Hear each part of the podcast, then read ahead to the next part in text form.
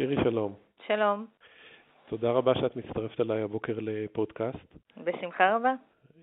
אני רציתי לשוחח איתך על אה, תעשיית הקנאביס, תחום שאת מתמחה בו בשנים האחרונות. כן. לדבר על כמה נושאים שקשורים לסקטור הזה, שהוא נמצא הרבה מאוד בכותרות. Mm-hmm. ונשמח אה, אם תוכלי לספר לנו קצת על הרקע שלך. אוקיי, okay, אז אה, קודם כל תודה רבה שהזמנת אותי להתארח בפודקאסט. אמ, אז אה, אני בעלים ומנכ"לית של חברה למחקר כלכלי שמתמחה בתעשיית הקנאביס. אה, למעשה אני כלכלנית כבר 21 שנה, עבדתי בהרבה סקטורים אחרים, ובשנתיים האחרונות התכנסתי ככה לעבוד בתעשיית הקנאביס, שהיא תעשייה מרתקת, צומחת בקצבים שלא ראינו כמעט בשום תעשייה אחרת אה, בהיסטוריה של השנים האחרונות, והתחום הזה מאוד אה, משך אותי. אז אה, זה מה שאני עושה בשנתיים האחרונות. בין השאר אני גם מייעצת לקרן נאמנות שמשקיעה בחברות קנאביס.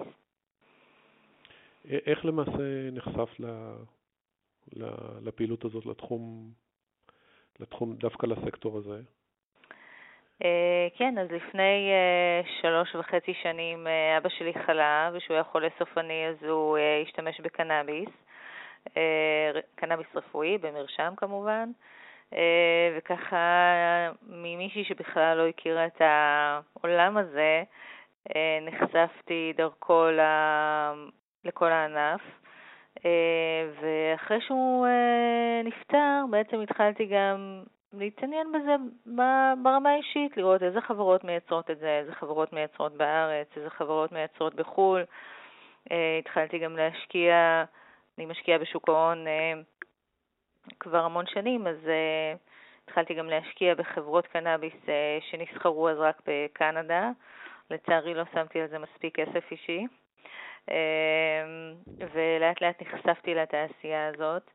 אמ, לעוד ועוד חברות שבעצם אה, הונפקו, התחילו להיות מונפקות רק לפני שלוש שנים, אה, וכשלפני אה, כמעט שנתיים פגשתי את בית ההשקעות סלע, את המנכ"ל של בית ההשקעות סלע, וסיפרתי לו שאני מתעניינת בתעשיית הקנאביס עכשיו, ומשקיעה במניות של קנאביס, וסיפרתי לו על הענף, ואז הוא אמר שהם רוצים גם כן לפתוח קרן נאמנות שמשקיעה בענף הזה.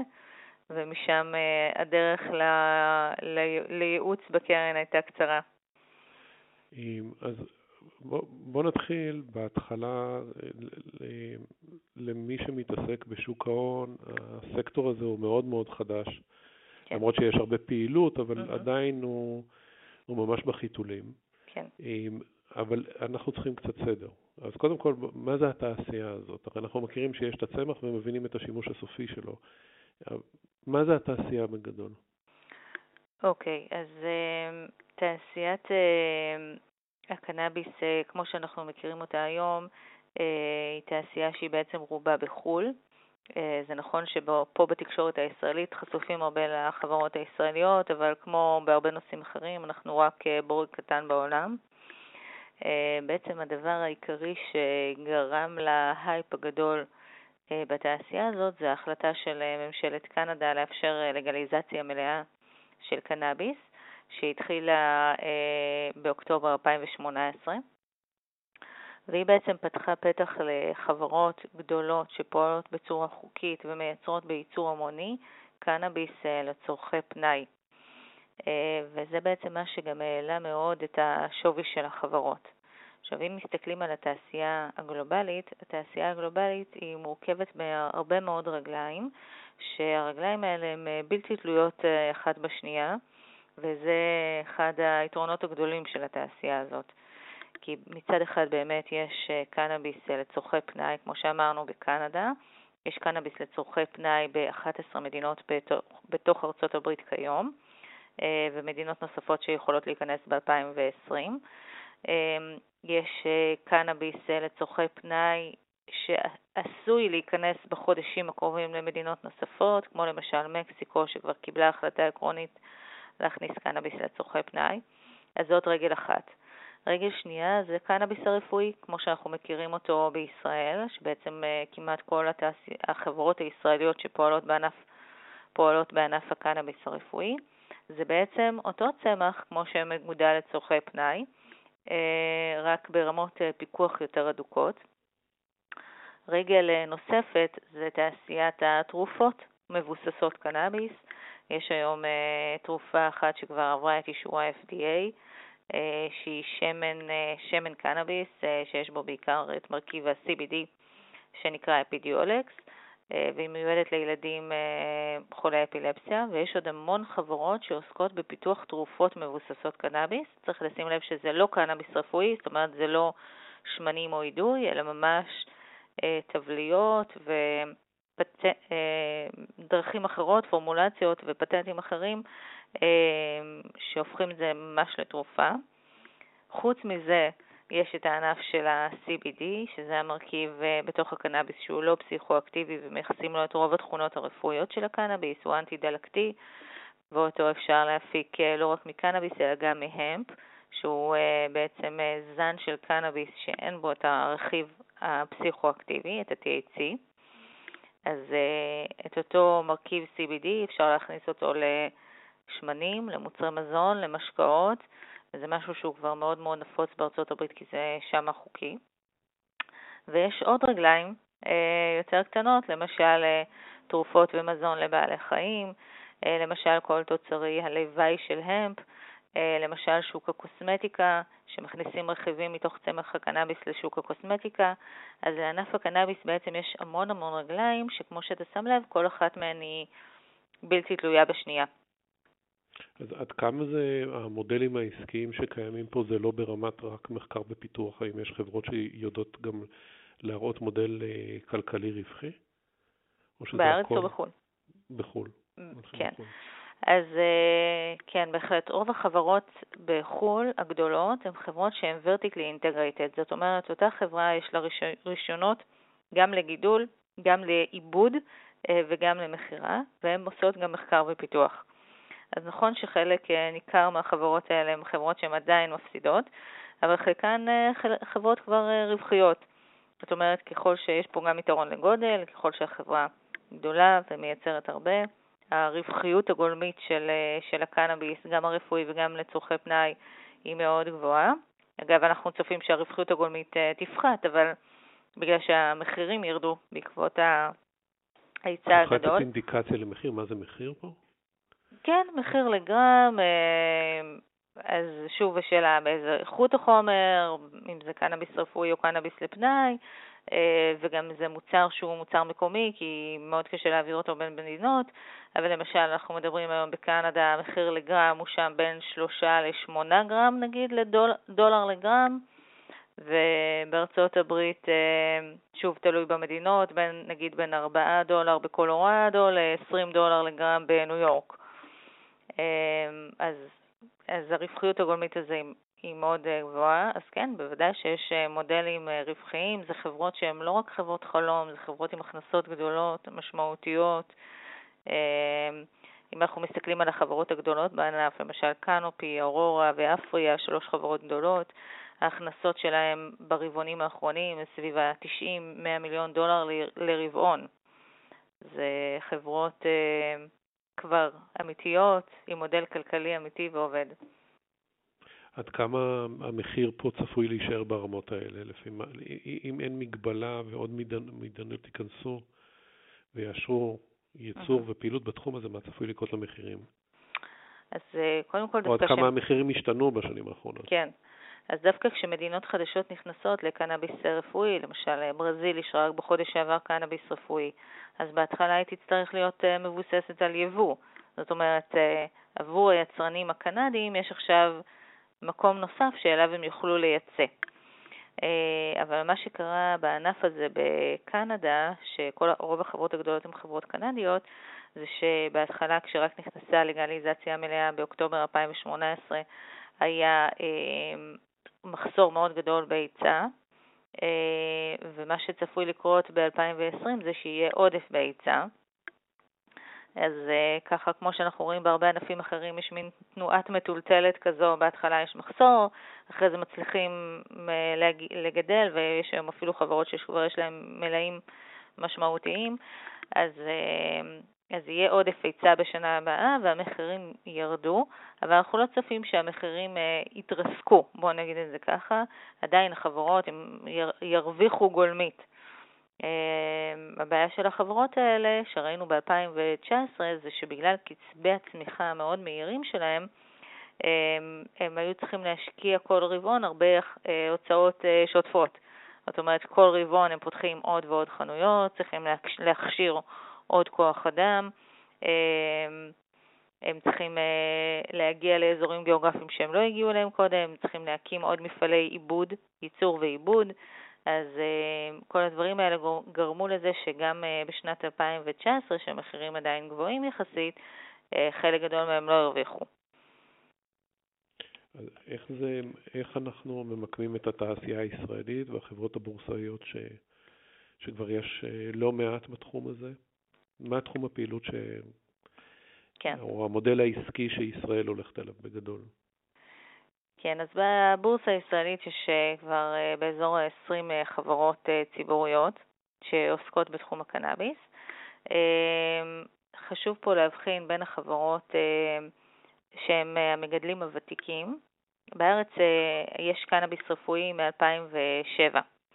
וחלק מהחברות שנסחרות היום בבורסה הם בעצם מגדלים ותיקים, שמגדלים פה מ-2007 או מ-2008, שנכנסו בדרך של מיזוג הופכי משולש לשלדים בורסאיים.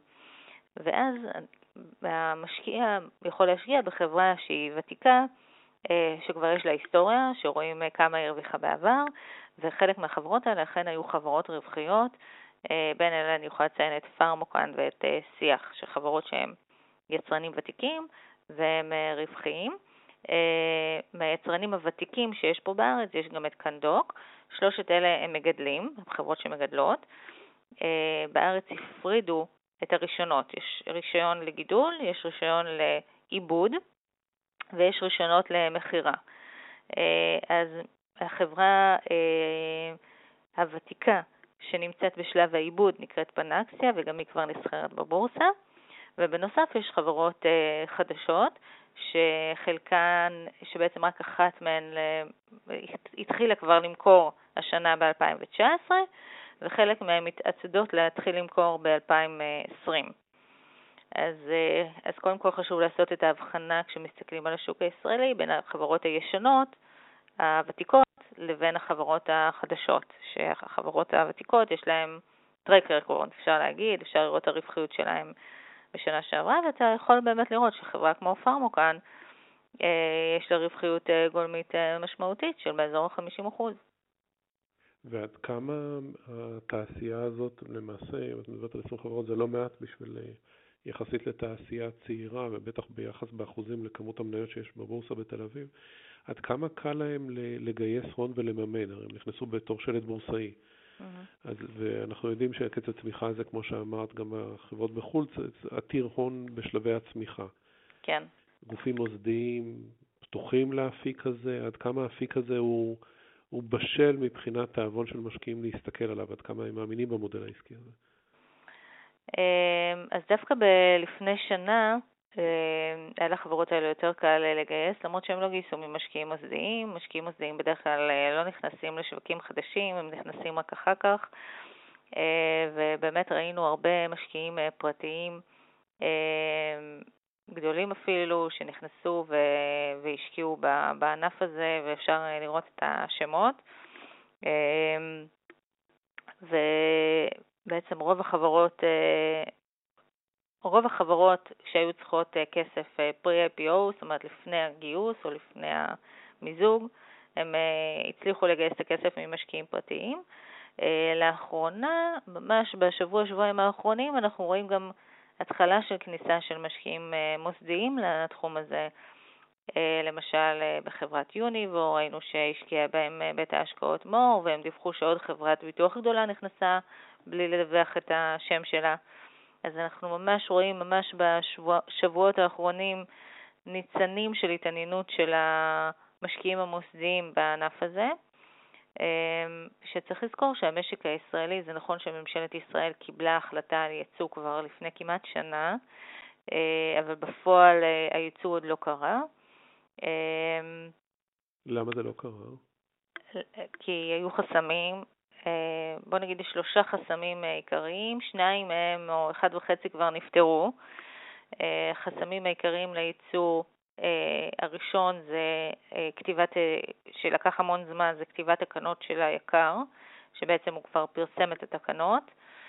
השני זה תקנים. התקן הישראלי של העיבוד שנקרא IMC GMP, אה, שונה מאוד מהתקן האירופאי, EU GMP, שאירופאי אה, בעצם המקום היחיד בעצם שאפשר לייצא אליו. אה, ונדרש פה תהליך של תקינה, לקחת את החברות הישראליות ולתקנן אותן לפי התקנים האירופיים. לפני חודש בערך חברת פנקסי הודיעה שהיא עברה בהצלחה אה, מבחן של התקינה, והיא נזקקת לעוד כמה השלמות שיערכו עוד כמה שבועות. והיא בעצם, אה, פנקסיה, מתקננת את החברות שהיא עובדת איתן, שמהציבוריות זה רק חברת שיח. זאת אומרת שתהליך התקינה הזה יושלם אה, והם יקבלו את התקן האירופי, EU GMP, אז פנקסיה ושיח יוכלו להתחיל לייצא. החסם השלישי שעדיין יש זה הסכמי סחר. זאת אומרת, צריך לעשות הסכם סחר בין בין המדינות או בין ישראל לאיחוד האירופי, שלמשל יגידו איך, אה, מה, מה המכסים למשל על, אה, על הסחורה הזאת. ואז אה, כשיושלם גם התהליך הזה ותושלם התקינה, יהיה אפשר להתחיל לייצא, כאמור, רק מהשתיים שבינתיים קיבלו את ה-EU GMP. כשיש חברות ישראליות אחרות שנמצאות בתהליך מוקדם יותר בתקינה, באישור התקינה האירופית. שיכול להיות שהם גם יקבלו אותה, כן? אבל זה פשוט עוד ייקח קצת זמן. אחת השאלות שמעניין אותי לדעת, שאת נפגשת עם החברות ושאת עוקבת אחרי הפעילות שלהם, עד כמה הניסיון של אה, הניהולי, של המנהלים, הוא מספיק טוב כדי להוביל את החברות. כל הדברים האלה זה כמו בענף הביומד או בעולם התרופות, זה הכל ריצה למרחקים ארוכים. עד כמה מגיעים אנשים עם רקע וניסיון בניהול מעבר לשלב הפיתוח היזמי, שיכולים לתמוך בתהליכי צמיחה והחדרת מוצרים? האם את, את רואה כן. כוח אדם מתאים לזה, או שזה בעיקר אנשים יזמים באופי? לא, דווקא בישראל יש כוח אדם ותיק ומנוסה בתחום הקנאביס באופן יוצא דופן ביחס לעולם, בגלל שבישראל יש קנאביס רפואי מ-2007. אה, אנחנו היינו המדינה השנייה בעולם שאישרה שימוש בקנאביס רפואי. אז יש פה חברות ותיקות כמו אה, פרמוקן ושיח, שההנהלה שלהן זו אותה הנהלה מ-2007, יש להן כבר ניסיון של 11-12 שנים, זה משהו שהוא כמעט אף, שזה אותה הנהלה, זה אותם אנשים, אה, כמעט אף, אף חברת קנאביס אחרת בעולם לא יכולה להגיד שיש לה כל כך הרבה שנות ניסיון מצטבר בניהול חברת קנאביס לצרכים אה, מסחרית. אז אה, דווקא בהקשר הזה אני רואה פה אה, הנהלות מצוינות, הנהלות מיומנות. היקר, אפשר להגיד עליו כל מיני דברים, אבל הוא כן תומך במחקר ופיתוח ומאפשר לחברו, לסטארט-אפים כבר שנים לעשות פה ניסויים בקנאביס, ובגלל זה יש פה המון המון ידע, וחלק מהאנשים שעבדו בסטארט-אפים של קנאביס עובדים עכשיו בתעשיות היותר מסורתיות. אה, גם התעשיות, החברות, חלק מהן גם קנו סטארט-אפים או עוסקות בעצמן במחקר ופיתוח. דווקא בהיבט הזה אה, יש, אני רואה פה כן הנהלות, אה, הנהלות טובות, מיומנות, שיכולות לנצח גם בזירה הבינלאומית, לא, בטח לא פחות מהנהלות שיש לחברות בחו"ל. אני רק רוצה להגיד משהו לגבי החלק הראשון של השאלה שלך. בניגוד לפיתוח תרופות, פיתוח של קנאביס רפואי זה לא כמו פיתוח של תרופה. זה לא מצריך מסלולי FDA או המקבילה האירופית, אלא זה תהליכים הרבה יותר קצרים, צריך רק לעמוד בתקנים, אה, ויש כאלה שגם עושים ניסויים קליניים כדי להראות במה הזן שלהם יותר טוב, אבל גם הניסויים הקליניים האלה הם ניסויים קצרים, קצרי טווח, אה, של מספר חודשים עד לכל היותר שנה, אז התהליכים פה הם יותר קצרים משוק הביומד, פיתוח התרופות המסורתי. אז מה הצוואר בקבוק של החברות למעשה? זה הבירוקרטיה? או... הישראלי, בכל הישראלי. העולם צוואר הבקבוק על התעשייה הזאת זה רגולציה. הרי אם, אם תחשוב שנייה, בניגוד לשווקים אחרים שצריך להוכיח שיש ביקוש למוצר, פה אנחנו יודעים שכבר יש ביקוש למוצר, הוא פשוט נמצא כולו בשוק השחור. ההערכות הן שהיקף השוק השחור בעולם אה, של קנאביס הוא 360 מיליארד דולר בשנה. אז אין, אה, אין שום אה, ספק שיש ביקוש למוצר הזה, הוא פשוט צריך לעבור את השלב של להיות אה, חוקי. או, כמו שאומרים, מה, מה black market לסופרמרקט, לעבור את, ה, את המטמורפוזה שתאפשר לתעשייה הזאת להיעשות בצורה חוקית, ואז המדינות יוכלו לגבות עליה מס, ואז uh, כל התעשייה תהיה מפוקחת, ככה שבן אדם שהולך לקנות uh, את הקנאביס שלו uh, ידע ממי הוא קונה, הוא ידע שזה מפוקח, ו, וזה, וזה משהו שהוא ייכנס, לת, ייכנס לתל"גים של המדינות, משהו כרגע הכל כלכלה שחורה. המדינות, דרך אגב, שאישרו את זה, הן שמחות שהן אישרו את זה? הן רואות, זאת אומרת, הן בכיוון חיובי עם זה, או שה... זה הולך יש. תופעות לוואי. זה הולך רק קדימה, אני לא מכירה אף אה, מדינה שהחזירה את הגלגל לאחור, וגם אתה רואה שבתוך ארצות הברית, אה, רק השנה ב-2019 עוד שתי מדינות אישרו, לפני שנה היה תשע מדינות. השנה אישרו גם אה, מישיגן ואליונוי, ושנה הבאה, ב-2020, כנראה יערכו משאלי עם לפחות בעוד חמש מדינות בתוך ארצות הברית. אה, כדי לאשר אה, לגליזציה מלאה של קנאביס, אז הם רואים מה קורה במדינות השכנות, והם רוצים גם. גם המושל מדינת ניו יורק רוצה את זה, גם המושל של ניו ג'רזי רוצה את זה, גם בפלורידה רוצים להכניס את זה, בגלל שהם רואים שבמדינות השכנות יש הכנסות של מאות מיליוני דולרים בשנה ממיסים, מתעשיית הקנאביס לצרכי פנאי, ו... והם גם רוצים את זה, כי התעשייה הזאת היא קיימת כבר אצלם. היא קיימת אצלם, רק, בש... רק באופן בלתי חוקי. עד כמה את רואה את התנודתיות החזקה שהייתה בסקר הזה ב-2019? מה מסביר אותה? סך הכל שוק ההון באופן כללי היה מאוד טוב, והיה רוח גבית של משקיעים mm-hmm. מכל הכיוונים לגבי שוק ההון. כן. איזה אירועים גרמו לנו לזעזועים בסקטור הזה? כן, אז היה אה, מספר אירועים אה, משמעותיים. אה, אה, אחד מהם, הראשון, באזור אפריל, כשהשוק היה בשיא, אה, היה קשור ל, אה, לשימוע של ה-FDA. אה, כמו שהזכרתי קודם, אה, יש זן של קנאביס שנקרא המפ, שהוא לא מכיל כמעט בכלל, או עד 0.3 אחוז אה, את הרכיב הפסיכואקטיבי, את ה-THC.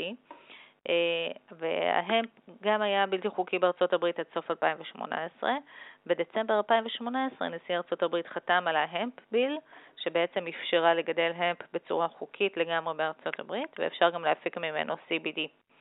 אה, באותו זמן שהוא חתם על הרפורמה, הוא מינה את ה-FDA להיות הרגולטור של שוק ה-CBD.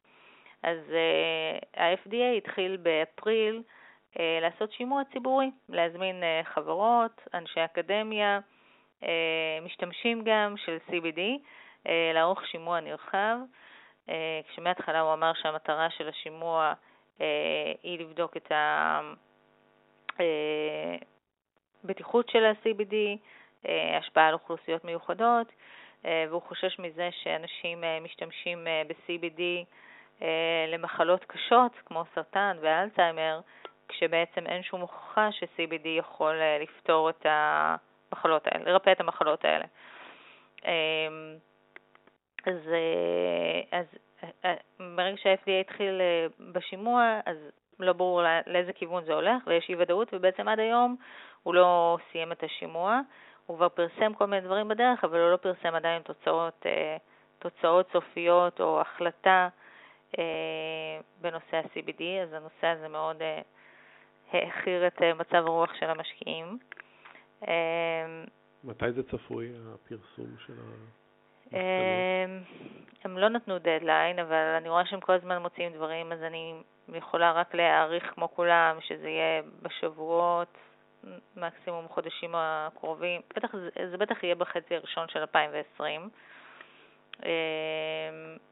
ואני, אני, ההערכה האישית שלי, זה בטח לא ילך לכיוון של לאסור שימוש ב-CBD או, או משהו מהסוג הזה, בגלל שאותו FDA אישר את התרופה האפידיולקס, שהיא בעצם שמן CBD. לפי מה שאני מבין זה אבן דרך מאוד משמעותית לשוק ההון. נכון, למרות שזה אבן דרך משמעותית, למרות שצריך לזכור שמבחינה מציאותית אנחנו לא מעריכים שה-FDA יאסור שימוש ב-CBD, מה שהוא יכול לעשות אולי, אני לא יודעת, זה או פיקוח על ייצור, על תנאי ייצור נאותים, שזה דווקא טוב לחברות הציבוריות הגדולות, כי זה יוצאים מהשוק כיצרנים קטנים, או, או שהוא יעשה, כמו הכל, מגבלת גיל, שהיום אין מגבלת גיל על CBD בארצות הברית. זה שני הכיוונים שאני יכולה לחשוב שיכולים להפריע, אבל שוב, צריך לזכור שזה רק אחת מכל הרגליים של תעשיית הקנאביס. שכמה היא גדולה ולא הרגל המרכזית. מה? אה, היא לא המרכזית. לא, זאת לא הרגל המרכזית. הרגל המרכזית הגדולה ביותר, שתי הרגליים המרכזיות זה הקנאביס לפנאי והקנאביס הרפואי. הקנאביס לפנאי, הרגל הכי אה, גדולה מבחינה כלכלית. והרגל השנייה זה הקנאביס הרפואי. אה, ואחרי זה, זה כבר תלוי אה, מה יקרה בעתיד, זה יכול להיות או תרופות קנאביס, או אפילו יש כאלה שאומרים שמוצרים לבעלי חיים, זה יהיה רגל מאוד מאוד חזקה. אה, כן, היה עוד אירועים? כן, אז זה אירוע אחד. האירוע השני זה כל נושא של משבר המשאפים שפרץ בספטמבר. שבעצם אה, אנשים שקנו משאפים, קנו אותם אגב בשוק הבלתי חוקי בארצות הברית בלבד, זה לא קרה בקנדה, אה, ואיידו אה, קנאביס מהמשאפים, לקו במחלת ריאות מסתורית, ובספטמבר פורסם ששישה מהם נפטרו. עכשיו, בגלל שלא היה ברור ממה זה קרה בדיוק ומה הוביל למחלת ריאות הזאת, אז גם משהו שמאוד מאוד העיב על השוק. אה, מאז אה, כבר פרסם אה, מינהל הבריאות האמריקאי מסקנות ראשוניות שזה נובע מוויטמין אי ציטרט שהוסף באופן מלאכותי לסיגריות האלקטרוניות האלה שמכילות שמני קנאביס.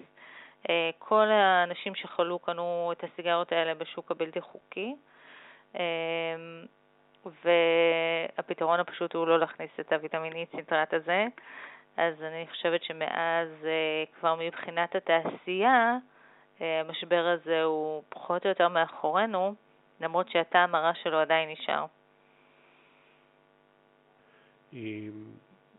לסיכום, איזה, כמשקיעים בשוק ההון, מה, מה את ממליצה לנו לעקוב כדי להבין יותר טוב את הסקטור הזה? איזה אבני דרך שיכולים לתת אינדיקציה שהשוק הזה מבשיל?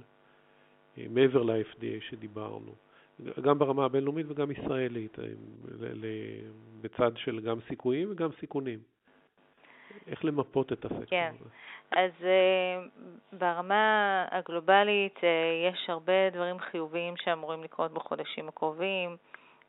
הראשון זה לגליזציה הדור הבא בקנדה, שאמורה להיכנס בתוקף, שנכנסה בעצם לתוקף לפני שבוע.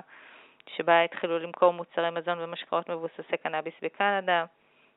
אנחנו עוקבים במקסיקו אחרי אה, לגליזציה מלאה שבתהליכים מתקדמים של אישור במדינה. אנחנו עוקבים בארצות הברית אחרי סימנים של לגליזציה ברמה הפדרלית. גם אה, מדינות באירופה אה, שעדיין לא הכילו קנאביס רפואי, כמו צרפת, היא נמצאת בתהליכים מתקדמים להכניס קנאביס רפואי. אז uh, אני חושבת שהכיוון של התעשייה הזאת, uh, כשאני מסתכלת עליה, אז הוא, הוא ברור, כבר מזמן uh, עברנו את נקודת החזור בנושא של קנאביס רפואי ובנושא של קנאביס לצורכי פנאי. מה שכן, מאוד חשוב בתעשייה מהסוג הזה, לפזר בין מספר חברות, בגלל שראינו גם תופעות כאלה שחברות מסוימות פתאום מסתבר שלא עמדו בתנאי הרגולציה כמו שצריך, שסגרו להם את הפעילות, שלא הצליחו לגייס מספיק מזומן להמשיך את הפעילות השוטפת שלהם. אז uh, בתחום הזה במיוחד חשוב לפזר את ההשקעות בין מספר חברות, ואפשר לעשות את זה גם דרך ETFים או מכשירי השקעה כאלה ואחרים. ומילת סיכום לגבי השוק הישראלי, עד כמה הוא מייצג את כל הזרועות של הפעילות שדיברת עליהן? זאת אומרת, עושים פיזור השקעות וקונים את כל החברות הישראליות שנמצאות בתחום של הקנאביס. בשוק הישראלי גם צריך להיות סלקטיביים, כי יש פה חברות ותיקות שכבר מגדלות, מייצרות ומרוויחות, ויש חברות חדשות שעוד לא גידלו ועוד לא מכרו שום דבר, ובעצם הם יצטרכו להתחרות עם השוק הישראלי שהוא די רווי. ומילת המפתח בשוק הישראלי תהיה מתי אפשר יהיה להתחיל לייצא. אז נדרשת פה סלקטיביות והבנה של, של החברות, כל אחת מהן באופן ספציפי. שירי, תודה רבה על כל המידע שהספקת לתת לנו במשהו כמו חצי שעה. בשמחה רבה, שמחתי מאוד. ואנחנו נהיה במעקב. יופי. תודה מצוין. רבה. תודה לך, ביי ביי. ביי.